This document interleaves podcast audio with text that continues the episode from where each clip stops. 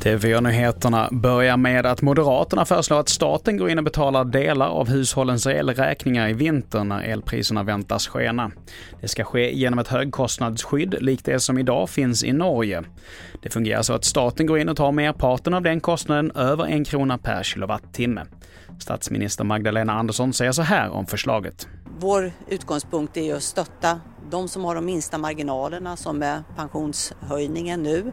Eh, vi har stöttat barnfamiljer och också stöttat de som drabbas hårdast, till exempel vad gäller elpriserna eller om man behöver ta bilen till jobbet. Men också viktigt att säga, vi kommer ju aldrig kunna kompensera för varje prishöjning som nu kommer med anledning av eh, kriget i Ukraina. Och vidare till Småland där en man i april blev bortförd och intvingad i ett garage där han fick motta sparkar och slag av tre män, det rapporterar TT.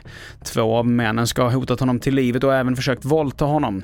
Händelsen spelades in delvis med en mobiltelefon och nu åtalas förövarna för människorov.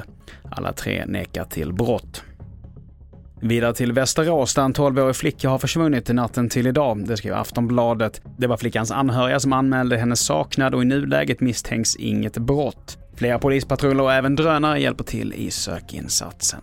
Och nu i augusti så drar ålfisket igång igen på Öland, men efter att myndigheterna skärpt reglerna i år och bara tillåter fiske fram till sista september istället för sista oktober, så är uppgivenheten stor hos fiskarna på ön som menar att näringen kommer att dö ut när deras bästa månad försvinner. Det är missriktat, något fruktansvärt missriktat. Vattenkraft, säl och skarv, där har vi, där har vi de stora problemen. Det är, inte, det, är inte, det är inte den lilla fiskaren. Och här hörde du ålfiskaren Magnus Sandin. Till sist, Olivia Newton-John har avlidit efter en längre tids kamp mot bröstcancer. Skådespelerskan blev känd som Sandy i klassikern Grease.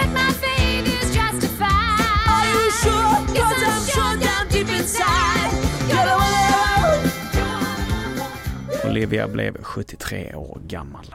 Fler nyheter hittar du på tv4.se. Jag heter Mattias Nordgren.